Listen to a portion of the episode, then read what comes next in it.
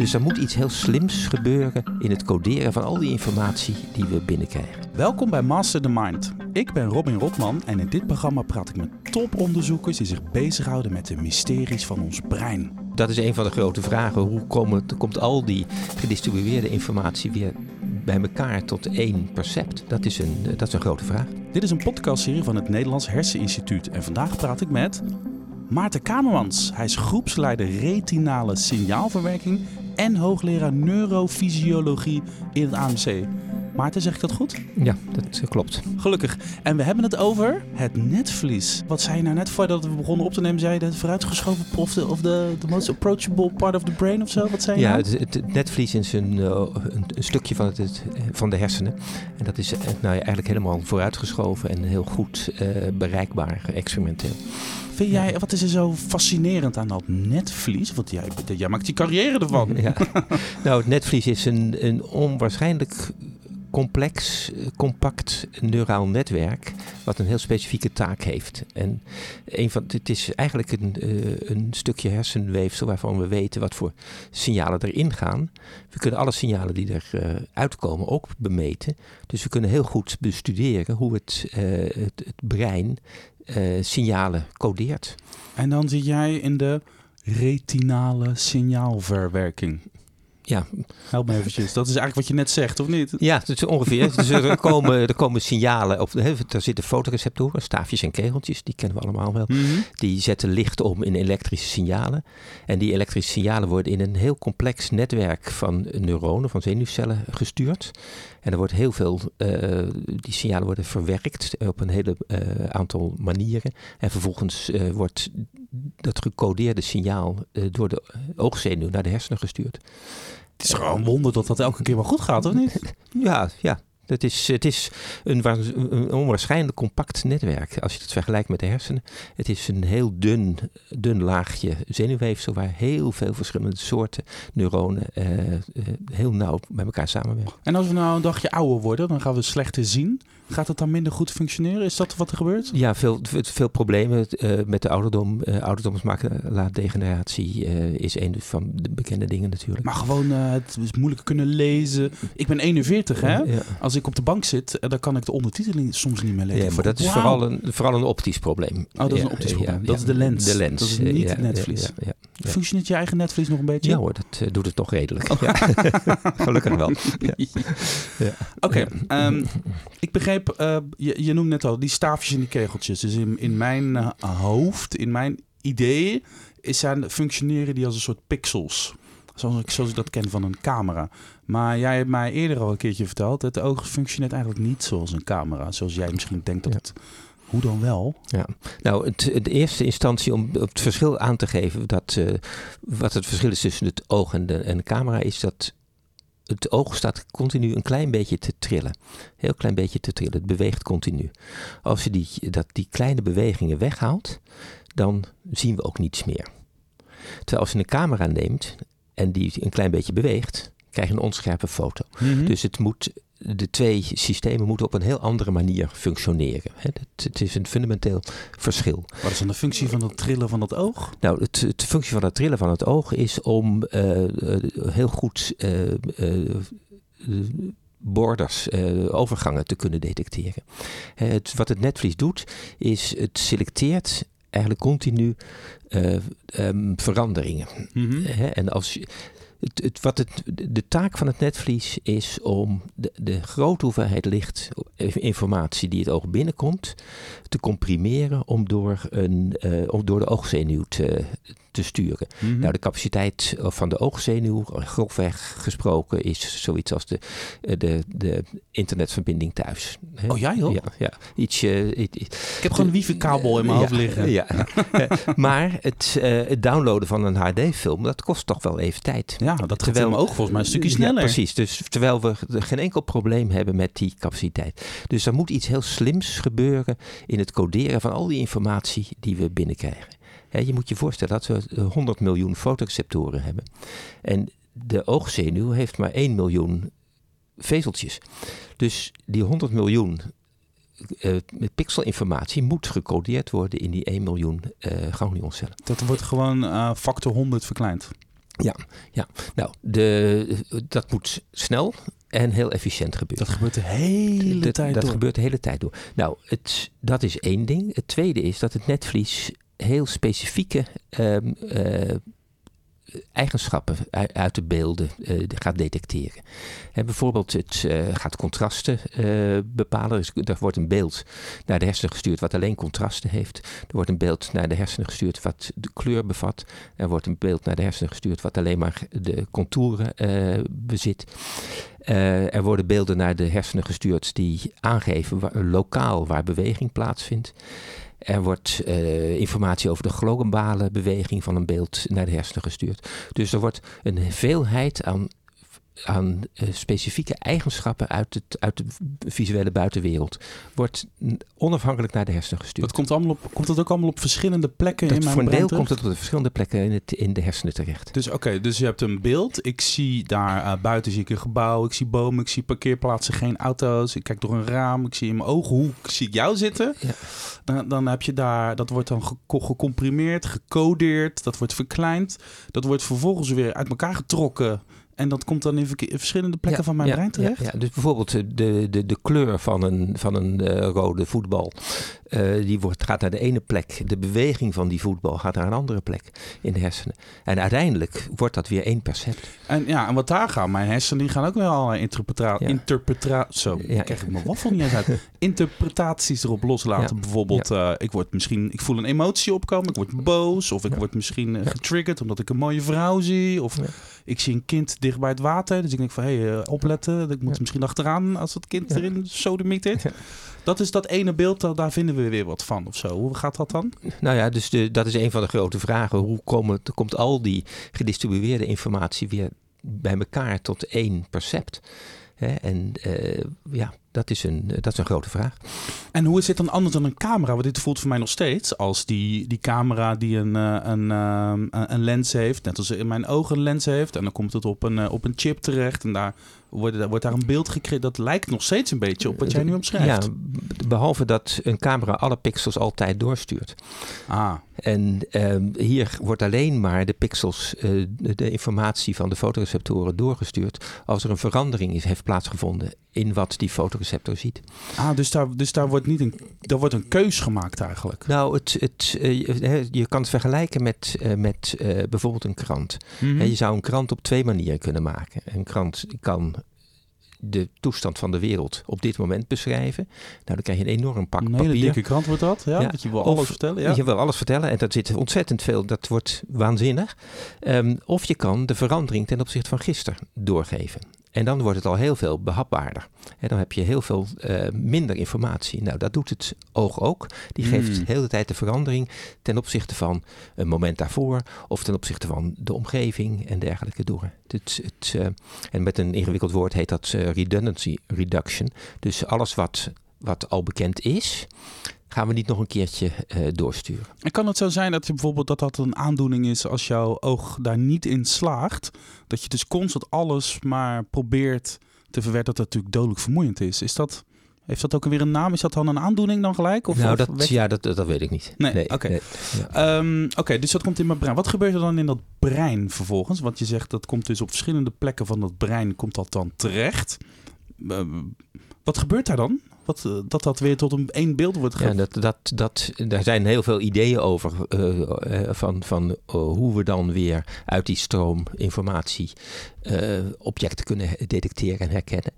Maar dat is dus eigenlijk meer het werk van de andere groepen hier in het. En wat doe jij dan? Wat, wat zit jij dan naar dat oogzenuw te kijken terwijl dat oogzenuw aan het werk is? Wat, Nou, wat, wat, wij, wat wij doen is, ehm, we kunnen het netvlies, oh, we kunnen het netvlies ehm, uit het oog halen. Mhm. En dat kan je levend in een bakje houden. En we kunnen met hele fijne elektrodes, eh, kunnen we al die verschillende neuronen in het netvlies eh, elektrische signalen van meten. Dus op die manier kunnen we een soort reverse engineering doen van hoe ziet dat netvlies, hoe, hoe is dat netvlies nou aangesloten? Je hebt fotoreceptoren. En je hebt de ganglioncellen, dat zijn de cellen die de optische zenuw maken. Maar daartussenin heb je drie verschillende typen eh, drie verschillende grote klassen neuronen, die allemaal weer uit heel veel verschillende type cellen bestaan. Dus je hebt een, een, een veelheid aan uh, verschillende zenuws, typen zenuwcellen die allemaal hun hele specifieke taak vervullen. En nou, wij willen, ik wil precies weten hoe, hoe praten die verschillende neuronen nou met elkaar. En jullie zitten dan de microscopen te turen terwijl er iets gebeurt of zo? Ja, nou, Laat je er gewoon wat signalen op ja, los, dus het, de, de, die netvliezen die gaan in een micro, onder een microscoop. Um, nou, het is die netvliezen zijn lichtgevoelig. Dus al het werk wordt in het donker gedaan. We zitten de hele dag in het donker. Oh ja? We hebben infrarood uh, verlichting op de microscopen zitten, dat we het netvlies wel kunnen zien. We kunnen de netvliezen met licht stimuleren. Dus we kunnen bij wijze van spreken filmpjes afdraaien uh, op die netvliezen. En dan van de verschillende neuronen in het netvlies kijken hoe die, die neuronen reageren op een lichtstimulus. Wow. En dan met verschillende, we hebben, uh, soms hebben we meerdere elektrodes. Dan kan je kijken hoe, uh, nou ja, hoe die cellen met elkaar communiceren. Ik wil er straks meer over weten. Mag ik een paar dilemma's voorleggen? Mm -hmm. Eerst? Oké. Ooit bouwen wetenschappers een kunstnetvlies dat beter is dan ons natuurlijke netvlies. Waar of niet waar? Niet waar. Niet waar. Blinde mensen kunnen in de toekomst via een camera beelden naar hun hersenen streamen.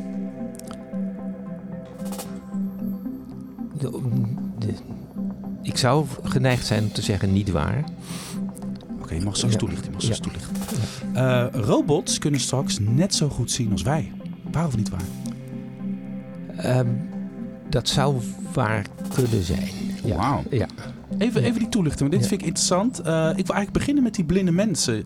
Je moest heel lang nadenken en dan zei je niet waar. Dus streamen via een camera. Dus eigenlijk het koppelen van een camera aan jouw brein als je blind bent. Ja. Ze nou, er zijn, de, waar, ja. er zijn, het, het punt daarbij is, is dat er um, het, voor het maken van, een, van retinale protheses zijn er twee soorten problemen die opgelost moeten worden. Er zijn technische problemen. Hè, bijvoorbeeld hoeveel elektrodes kan je in, het, in, het, in de hersenen stoppen. Of in het netvlies stoppen. Mm -hmm. en, uh, en er zijn een soort fundamentele problemen. Van, uh, en een, een, een, de, technische problemen, ja, die zijn misschien wel oplosbaar. Maar die fundamentele problemen zijn veel moeilijker. Maar is dat wat je net zei eigenlijk van het netvlies functioneert niet als een camera? Nou, dus ja, dan gaan we dus ook niet een camera inzetten om ja, als netvlies te gaan functioneren. Nou, dat, dat, voor, voor, ten, dat voor één iets. En bijvoorbeeld um, die ganglioncellen die, die de optische zenuw maken, die liggen heel dicht tegen elkaar aan. En bij de mens liggen ze ook vaak in een hele stapel wil je echt een goed beeld. Ik heb net gezegd dat die, al die verschillende beelden naar de, de, hersenen gestuurd moeten worden. Dus wil je een goed beeld naar de hersenen sturen, zal je die cellen heel celspecifiek met hun eigen signaal moeten aansturen. Mm. Elke, elke cel in het netvlies verwacht een bepaald bepaald inputsignaal. Als ik deze signaal stimuleer, stuurt dat een, een, informatie naar het gebied waar rood gezien wordt. Of de cel daarnaast, die geeft een signaal naar het gebied dat die beweging detecteert. En dit kan je moeilijk nabootsen met een camera. En dat je de, de, de, we kunnen, we hebben niet de technologie om die cellen celspecifiek te stimuleren. Dus die elektroden zijn ontzettend groot ten opzichte van die neuronen. Dus we, ze kunnen die wel uh, groepen neuronen stimuleren. Maar ja, dan krijg je in feite een, een rommeltje. Ja, of je moet meerdere camera's gaan aansluiten. Maar dat gaat dus niet, want die technologie is gewoon te groot ten opzichte van ja, je, je, hebt, je, hebt, je, je kan niet zo klein uh, stimuleren. Er zijn wel andere uh, mogelijkheden, uh, zogenaamd de optogenetica. Mm -hmm. Dus dat je lichtgevoelige eiwitten gaat stoppen in neuronen dat zou je, dan zou je in, zelfs in, in, specifieke neuronen dat eiwit kunnen doen. En als je dan al die eiwitten uh, met zo maakt dat ze voor verschillende kleuren licht gevoelig zouden zijn, zou je dat misschien kunnen gaan oplossen. Hm. Maar dat is een, nou, dat is een enorme technologische uh, ontwikkeling is daar nog voor nodig. Ja. Jij, jij, snapt hoe dat, fin, dat, dat, dat, dat, dat, dat visuele systeem werkt. -hmm. Wat zou een andere route kunnen zijn om blinde mensen te helpen om in ieder geval meer wegwijs te worden in de wereld? Zou ik nou maar ja, het, het, het, um, kijk, een prothese moet echt heel goed zijn. Hè? Als je, uh, nou, er zijn, uh, willen mensen het echt, echt blijven gebruiken. Dus je moet heel erg na gaan denken, denk ik, van wat hebben mensen nou nodig? Hè? Wat is het? En, en kunnen we dat.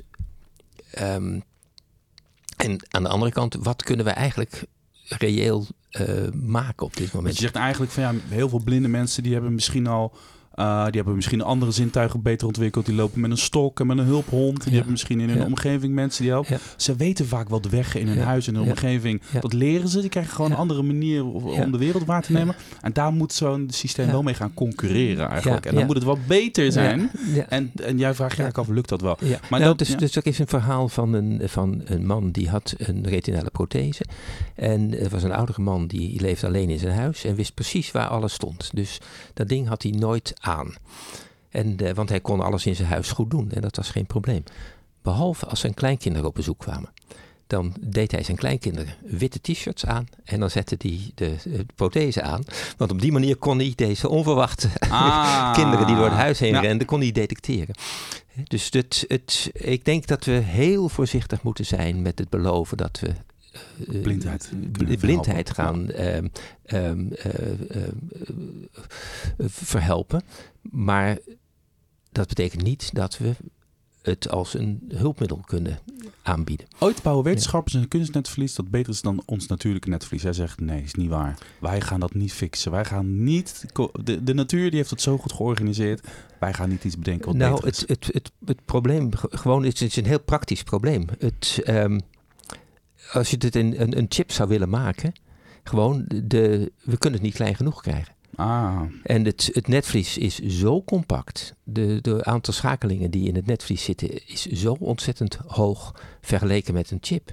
Dat het gewoon maar tegelijkertijd, ik ga je onderbreken, zeg je wel weer robots die kunnen straks net zo goed zien als wij. Dan zeg je, ja, nou, dat, dat, gaat weer over het nabootsen van hoe wij dat doen en dat we dat kunnen inbouwen in een robot. Dan zeg je, nou, dat zie ik wel gebeuren. Nou ja, maar daar zit die, die uh, space limitatie niet.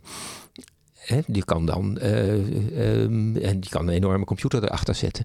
Hè? Maar als je zegt van ik wil het netvlies nabouwen, dan, dan denk ik ook aan de grootte en de, mm. en de, de, de, de, flexibiliteit. Dat gaat niet lukken. Maar het een device maken wat met heel veel rekenkracht misschien hetzelfde kan doen als het netvlies. Dat zou ik me kunnen voorstellen. En dan een beetje die, de mens ik ben, ik ben natuurlijk gek op science fiction. Hè? Uh, dus de mensverbetering, chirurgen uh, helpen dat ze gewoon met een implantaat betere ogen krijgen, zodat ze beter kunnen opereren. Of misschien soldaten met ingebouwde nachtkijkers of zo. Uh, ja, op dit moment denk ik niet dat dat een um, uh, reëel is. Dat, uh, dan denk ik eerder aan die in de technologie als op de genetica, dat je, dat je het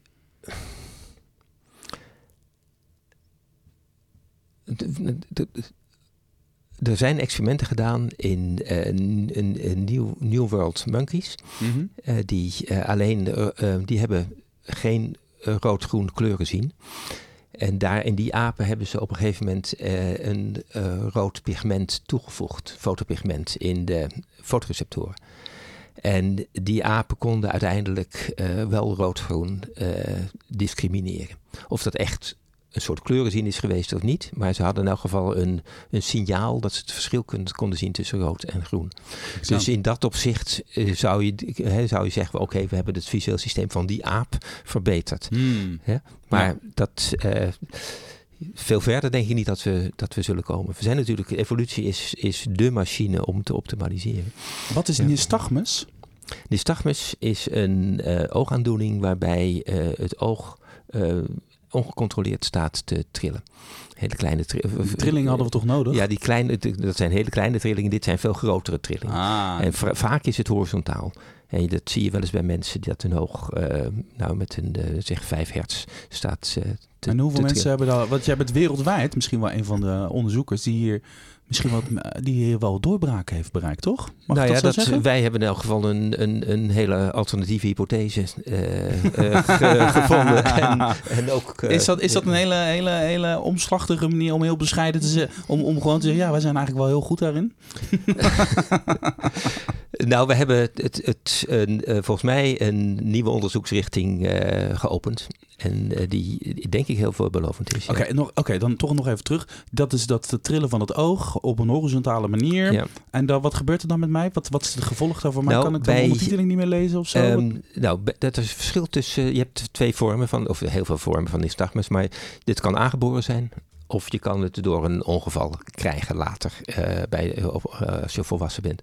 Nou, als het aangeboren is, dan hebben die, uh, die kinderen hebben dus die trillende ogen, maar ook vaak een verminderde gezichtsscherpte. En um, dat is dus heel vervelend. Uh, ze, ze, kunnen uh, vaak geen rijbewijs halen. Uh, um, en sociaal gezien is het, is het gewoon vervelend dat die ogen staan te trillen. Mm -hmm. Dus het is belangrijk om daar aandacht aan te besteden.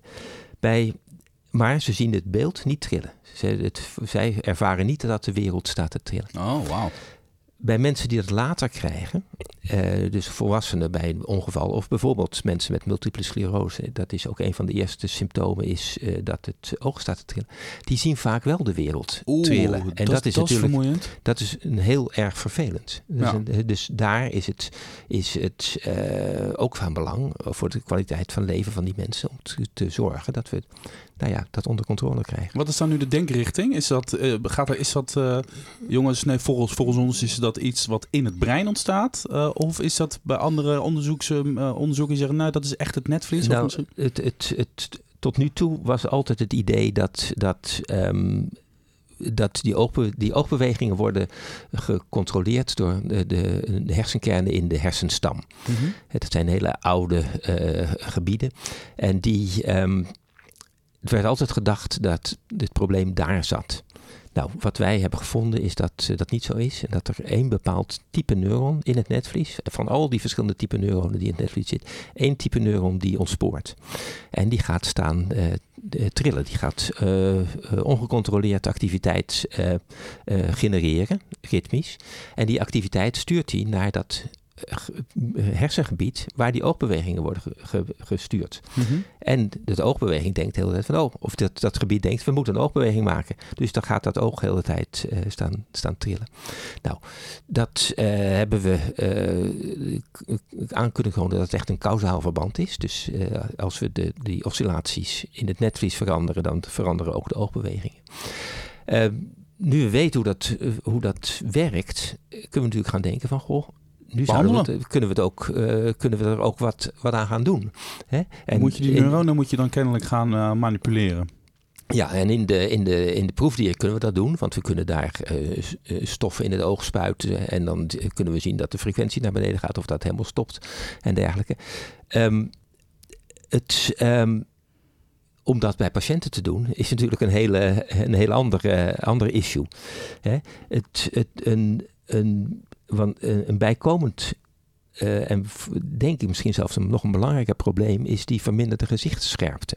Wat wij zien is dat in het netvlies die, die neuronen al die ritmische activiteit gaan doen, uh, gaan geven. En tijdens de ontwikkeling van het netvlies moeten de uitlopers van die ganglioncellen naar een hersengebied groeien. Dat heet het LGN. En daar moeten ze een goede positie vinden. Nou, dat is een heel, uh, heel mooi proces. Het netvlies genereert golven van activiteit in verschillende richtingen over dat netvlies. Mm -hmm. En um, er is een regel in, in, in uh, de neuroscience dat neuronen die gelijktijdig actief zijn, die versterken de verbindingen. Dus als je allerlei golven over het netvlies heen hebt uh, lopen tijdens de ontwikkeling, kunnen die neuronen in, het, in dat hersengebied uh, uitzoeken wie naast wie ligt. Hmm. Uh, en op, zo, op die manier kan je een heel mooi, uh, nou ja, een, een mooie verbindingspatroon krijgen. Hè, zodat de neuronen die naast elkaar in het netvlies liggen, ook naast elkaar in, het, in, het, uh, in dat eerste hersengebied liggen. Maar dat gaat bij nystagmus dus mis? Nou, dat, in eerste instantie gaat het helemaal goed. Bij mm -hmm. de muizen, die ontwikkelen zich helemaal normaal. Totdat ze hun uh, oog open doen. Dan zou dat systeem moeten stoppen. Want je wil niet dat dat de hele tijd maar anders wordt. Mm -hmm. Hè, dat, dat moet, is in één keer is het gemaakt en dan is het goed. Maar die mensen met nystagmus, of in elk geval in deze muizen met nystagmus, gaan al die ganglioncellen nu ineens gelijktijdig oscilleren. Ja. Of vanwege die, die, dat signaal in het netvlies. En nu denkt iedereen, oh, dat is mijn buurman. Dus dan zie je dat die verbindingen ehm, eh, helemaal in de war gaan lopen. Hmm. En het idee is dat dat de basis is voor de gezegd, slechte gezichtsscherpte bij eh, mensen met nystagmus. En dat is iets wat we, nou ja, nu, de, waar we de komende jaren aan, aan willen gaan werken. En dus dat zou heel mooi zijn als we dat zouden kunnen aantonen dat het zo is. Het probleem alleen is dat je dus bij hele jonge kinderen tijdens de ontwikkeling zou willen gaan ingrijpen. Maar dan moet je daar een stofje in dat oog gaan spuiten. Ja, of en dat iets. is, dat is dus dat is een enorm. Dat, wordt, een- dat, dat moet dus heel erg goed uitgezocht worden. Wat je, eh, of wat je zou moeten doen om die oscillaties. Hoe oud, hoe oud ben jij? Ik ben eh 66. Ga jij Ja. dit nog meemaken tijdens jouw carrière, dat we, dat we dit oplossen voor die jonge kinderen? Nou, ik hoop dat. Wat, wat, ik, wat ik werkelijk hoop, is dat we eh, in de komende, nou ja, zeg eh, eh, vijf jaar. ehm, dit goed in muizenmodellen kunnen laten zien. We hebben specifieke muizen gemaakt waarbij we die mutatie, die die oscillaties eh, eh, induceert, aan kunnen zetten en uit kunnen zetten op precies vers- verschillende momenten tijdens de ontwikkeling. En eh, ik hoop dus dat we met het proefdierwerk kunnen zeggen van nou op dat moment zou je die oscillatie moeten onderdrukken. En dan is het aan anderen om dat naar een klinische toepassing te, te brengen. Is Dat- dit een dat missie van jou? Is dit een belangrijk ding voor jou? Dat je nou, ja, kom ik, op, ik, vind, eh, ik vind dat. ehm, eh, ik zou het ontzettend leuk vinden als dit door andere groepen opgepikt zou worden en doorge- eh, doorgevoerd zou worden. Dus mijn, mijn, mijn taak voor de, de, de komende vijf jaar vind ik dat ik andere mensen enthousiast moet maken om dit eh, werk eh, te gaan doen. Hoeveel mensen hebben hier last van in de wereld? Heb je enig Dat, idee? dat, dat, soort getallen, dat, dat weet ik niet. Nee, dus, dus nou ja, dat, eh, nee ik ben Zijn- slecht in dat soort getallen. Nee. Ja, ja. ik, ik hoop dat het werkt. Ehm, Zijn er andere eh, eh, oogaandoeningen waarvan je zegt van daar heb ik ook een soort zwak voor, daar, wil ik, daar ben ik ook mee bezig? Of is het echt dat nystagmus? Of dat nou, is mijn ding. kijk, het, het- ik was helemaal niet geïnteresseerd in nystagmus. Het, eh, hè, we maar nystagmus was geïnteresseerd in jou. Ja, nee, het- ik, ik, hebben, ik heb altijd ge- eh, werk gedaan. Eh, al mijn werk was ge- ge- gericht op het begrijpen van het netvlies. Het was puur eh, nieuwsgierigheid gedreven onderzoek. Hè, Van Mhm. hoe werkt dat nou? Dus we hebben heel veel tijd besteed in de loop van de jaren aan, aan de synaps, de verbinding tussen de fotoreceptoren, de bipolaire cellen en de horizontale cellen. Dat is de allereerste synaps in het visueel systeem. Mhm. Daar hebben we heel veel, eh, nou ja, eh, zijn we te weten gekomen hoe die werkt en welke eiwitten daarin zitten. En op een gegeven moment gaf ik een voordracht ehm, eh, over een van de bepaalde eiwitten die daar zat. En als dat ehm, eh, niet meer functioneerde, dan werd je nachtblind. En ehm, toen, na, de, na afloop van, dit, ehm, van die meeting, eh, kwam een oogarts naar me toe. En die zei van, goh, ik heb kinderen met nystagmus met precies dezelfde mutatie. Maar hoe kan dat nou? Want jij zegt dat het in het netvlies zit en alleen in het netvlies. En ja, nystagmus, dat komt in de hersenstam terecht. Nou, toen zijn we verder gaan praten en toen hebben we dit hele onderzoek gedaan. En, Oh, wauw. en, en toen hebben we gevonden dat nystagmus dus een, een netvliesaandoening is. Dus zo'n informeel gesprekje na zo'n lezing verandert Eh, gewoon de loop van jouw, van jouw wetenschappelijke Ja, carrière. Ja, dus het, het, het, ik vind dit. ehm, het, het illustreert een paar dingen. Hè. Fundamenteel onderzoek is ontzettend belangrijk. Hè. Maar het, ehm, het eist ook van de onderzoekers dat ze openstaan voor eh, eh, mogelijke toepassingen die op hun weg komen. Hè. Eh, ik denk echt, dit waar hadden we nooit te weten gekomen als we niet dat fundamentele onderzoek gedaan hadden. Ja. Dus de start is het fundamenteel onderzoek, maar je moet altijd openstaan om als dat fundamenteel onderzoek een, een toepassing krijgt ergens, om daarin mee te gaan. En dat doe je. Ja. Wauw. Ik heb een nieuwe rubriek. Vraag het Swaap. Eh, luisteraars kunnen elke aflevering een vraag stellen aan Dick Swaap. Dit keer heb ik een vraag van eh, Ton Jacobs meegenomen. En hij wil het volgende van eh, Dick Swaap weten. Waarom zijn gevoelens en emoties, zoals dat tegenwoordig beweerd wordt... en tegenwoordig staat tussen aanhalingstekens...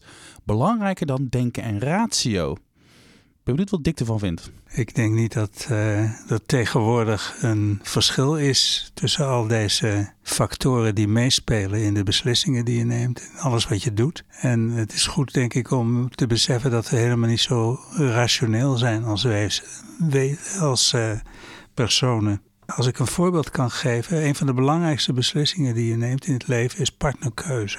Alleen Darwin heeft dat gedaan op basis van een rijtje van de voor's en tegens van zijn mogelijke partner. Maar we doen het in het algemeen toch uh, op een andere manier. We worden verliefd. En dan worden al die uh, aspecten, ook de emotionele aspecten, worden meegenomen. En als je eenmaal verliefd bent, dan uh, is de ratio ook een stuk verder zoek. Want dan zijn de stresshormonen zo hoog dat ze een deel van de hersenen ook remmen. En uh, dat duurt ongeveer een jaar. En na dat jaar gaan die stresshormonen omlaag en kun je je afvragen of het wel de juiste partner is, maar dan is het vaak te laat. Dankjewel Dick. Even terug naar die, uh, naar die ogen. Uh, als ik bijvoorbeeld een profvoetballer zie, die kan dag in dag uit penalties oefenen. Die kan zo'n zo'n Ronaldo, die kan zijn traptechniek en zijn spieren trainen. Die kan zijn hele systeem nog beter trainen. Dat hij net even een stapje sneller is, de behandelingen beter kan doen. Kan ik mijn, mijn netvlies trainen? Dat ik door bepaalde oefeningetjes te doen beter word in dingen bekijken, verwerking, sneller. Kan ik dat ding trainen? Nou, ik, ik, ik verwacht dat het netvlies zelf uh, niet heel plastisch is. He, de, de, het trainen en, en leren en dergelijke, dat, uh, dat heeft allemaal te maken met plasticiteit van het, uh, het, het zenuwstelsel. Mm -hmm. Dus verbindingen worden sterker of minder sterk in het netvlies is daar relatief weinig uh, aanwijzingen zijn daarvoor. In de rest van het visuele systeem wel degelijk. Dus het, uh, ik denk dat je, je inderdaad best dit soort dingen kan trainen. Zeker in de, de voorbeelden die je noemt, is dat natuurlijk een combinatie van visueel systeem en andere mm -hmm. dingen. Ik denk dat dat heel goed te trainen valt, maar het, uh, het netvlies zelf verwacht ik heel weinig. Oké, okay, dat is ja. gewoon, dat werkt zoals het werkt. Dat ja. kan eigenlijk alleen maar slechter worden. ja. ja. Ja. En jouw onderzoeksterrein, dat netvlies, wat is nou echt de heilige graal voor jou? Dat je echt van, oh, nou, is nu een happy accident dat op je pad kwam. Of je denkt van, oh, maar dat, daar wil ik nu wel mijn tanden zetten. Dat ik voel een soort missie. Maar wat is de heilige graal als het gaat over dat netvlies? Nou ja, het, het, het, het we, hebben, we, hebben, we hebben fotoreceptoren, bipolaire cellen, ganglioncellen, hoorstellencellen en uh, van bijvoorbeeld van amacrinecellen, daar zijn er, sommige mensen zeggen uh, 30, 40, uh, soms, soms zelfs al 50 verschillende typen. En we weten maar van twee, drie types wat ze doen. Dus het, het begrip van die codering in dat netvlies, dat is nog ontzettend uh, rudimentair. Daar ligt nog een hele daar wereld ligt nog een hele, De hele wereld, dat is nog ontzettend veel daar te doen. Dus de, de heilige graal van het netvliesonderzoek is om echt die neurale code te snappen. He, het is, het is, je hebt die, uh, al die, dat, die netwerken in dat netvlies.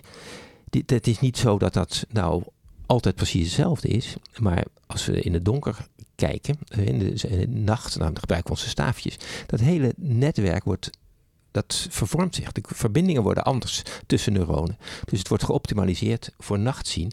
En overdag doen die neuronen gewoon een hele andere taak weer. Dus het is, het is dus om dat echt te begrijpen, hoe al die verschillende uh, uh, uh, informatiestappen uh, plaatsvinden, dat netvlies. Ja, dat is voor het netvliesonderzoek de heilige graal. Dit is natuurlijk ja. typisch zo'n uh, cliché die ik nu ga optetteren.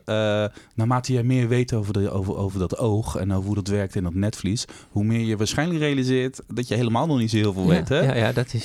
word, je dan, word je er dan geïnspireerd van of af en toe ook een beetje moe van? Van, oh jeetje, wat weten we eigenlijk weinig? Of een beetje van beide misschien? Nou, het, het, het, het, het is... Het is uitermate fascinerend om te zien hoe dat, hoe dat uh, kan werken. Het, uh, het frustrerende is, of het, het, uh, hetgene waar je moedeloos van kan worden, is dat er zoveel kennis aan het gegenereerd wordt. En dat moet natuurlijk ook geïntegreerd worden. Mm -hmm. En um, in de hele wetenschappelijke wereld is iedereen toch wel erg gericht op zijn eigen, eigen dingetje. Hmm. En, Dus het eh, scheelt eigenlijk om een soort integrale samenwerking. ja, ja en, en dus af en toe denk ik wel eens van jongens, we moeten nou even moeten stoppen met experimenten doen. En gewoon alleen maar nadenken. En alleen maar eh, alles wat er al is. Hoe gaan we dat een beetje bij elkaar brengen? Ja, ja, ja. En jouw werk, eh, ik denk, eh, jij doet het al een paar jaartjes nu. Ehm, jij wordt ook steeds meer een technoloog dan wat. Als jij nog dieper in dat oog wil gaan kijken, of naar Mhm. het net, net, netvlies en zegt van, eh, de- van, van drie van die dingen snappen we een beetje Ja. hoe het werkt. En er zijn er nog 47. ja. En naarmate we meer weten, zullen er waarschijnlijk nog meer bij komen. Je hebt steeds meer technologie nodig Ja, om dat te bekijken. ja, ja. Dus je moet ook machines gaan ontwikkelen om dat dan te gaan nou ja, dus, dus daar heb ik me altijd een beetje van ver van gehouden want, eh, om technologie te ontwikkelen. Er zijn heel veel mensen die dat heel erg goed kunnen. Mhm. Maar ik ben wel iemand die heel graag die technologie gebruikt. Want je hebt het nodig. Ja, en, en dus we, we, hebben heel veel van die technologie eh, vroegtijdig wel geïmplementeerd, maar echt het ontwikkelen van die technologieën niet. Hè, dat zijn andere mensen. Maar ja, als je kijkt vanaf het begin, eh, toen ik begon als, als eh, promovendus, toen was de mole- moleculaire biologie was net aan het, in het beginstadium. Ja. En ehm, ja, wat we nu allemaal kunnen, het is, het is ongelooflijk. Dat is wel tof Ja, eigenlijk. dit hè? is, dus er is zo technisch zo ontzettend veel veranderd in, in eh, gedurende mijn carrière. Ja, het was, dat is heel erg leuk om te zien. Ja. Nu heet het programma Master the Mind. Ik sluit deze podcast elke keer af Mhm. eh, eh, met de vraag... welk deel van het brein hoop jij dat we ooit nog eens zullen masteren? Of, of misschien, wel, misschien wel een leukere vraag. Wat is voor jou nou het grootste mysterie aan, dat, aan die grijze massa, die, die, die machinekamer Ja. van ons? Nou ja, het, het, hetgene wat hè, ik heb mijn carrière besteed om te begrijpen hoe het netvlies beelden uit elkaar rafelt. Hè? Mhm. Het, het, om het weer in elkaar te zetten.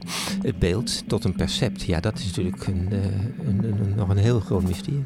Dat is gewoon een Ja. mysterie. Ja. Hoe dat weer allemaal weer bij elkaar komt. Voor, voor een deel zijn er wel ideeën over hoe dat zou kunnen, maar, maar het is absoluut niet compleet. Wie weet is dat ongeveer hetzelfde voor, eh, als de, de drie, vier amacrine-cellen die we kennen in plaats van de vijftig. Ja. En weten we ook zo, zoveel van hoe het, het visueel systeem weer tot een percept komt. Nou, je hebt nog Ja. een hoop te doen de Ja. komende tijd. Ja, Dankjewel Maarten. Kamermans. Luister ook de andere afleveringen van Master the Mind terug. En je hoort dat deze mensen hebben leuke dingen te vertellen. We hebben het gehad over creativiteit, over onze instincten, over de hersenbank. Over nou ja, allemaal leuke onderzoekers die praten over het brein en de mysteries. Ga je voor naar www.masterthemind.nl. Dankjewel Maarten.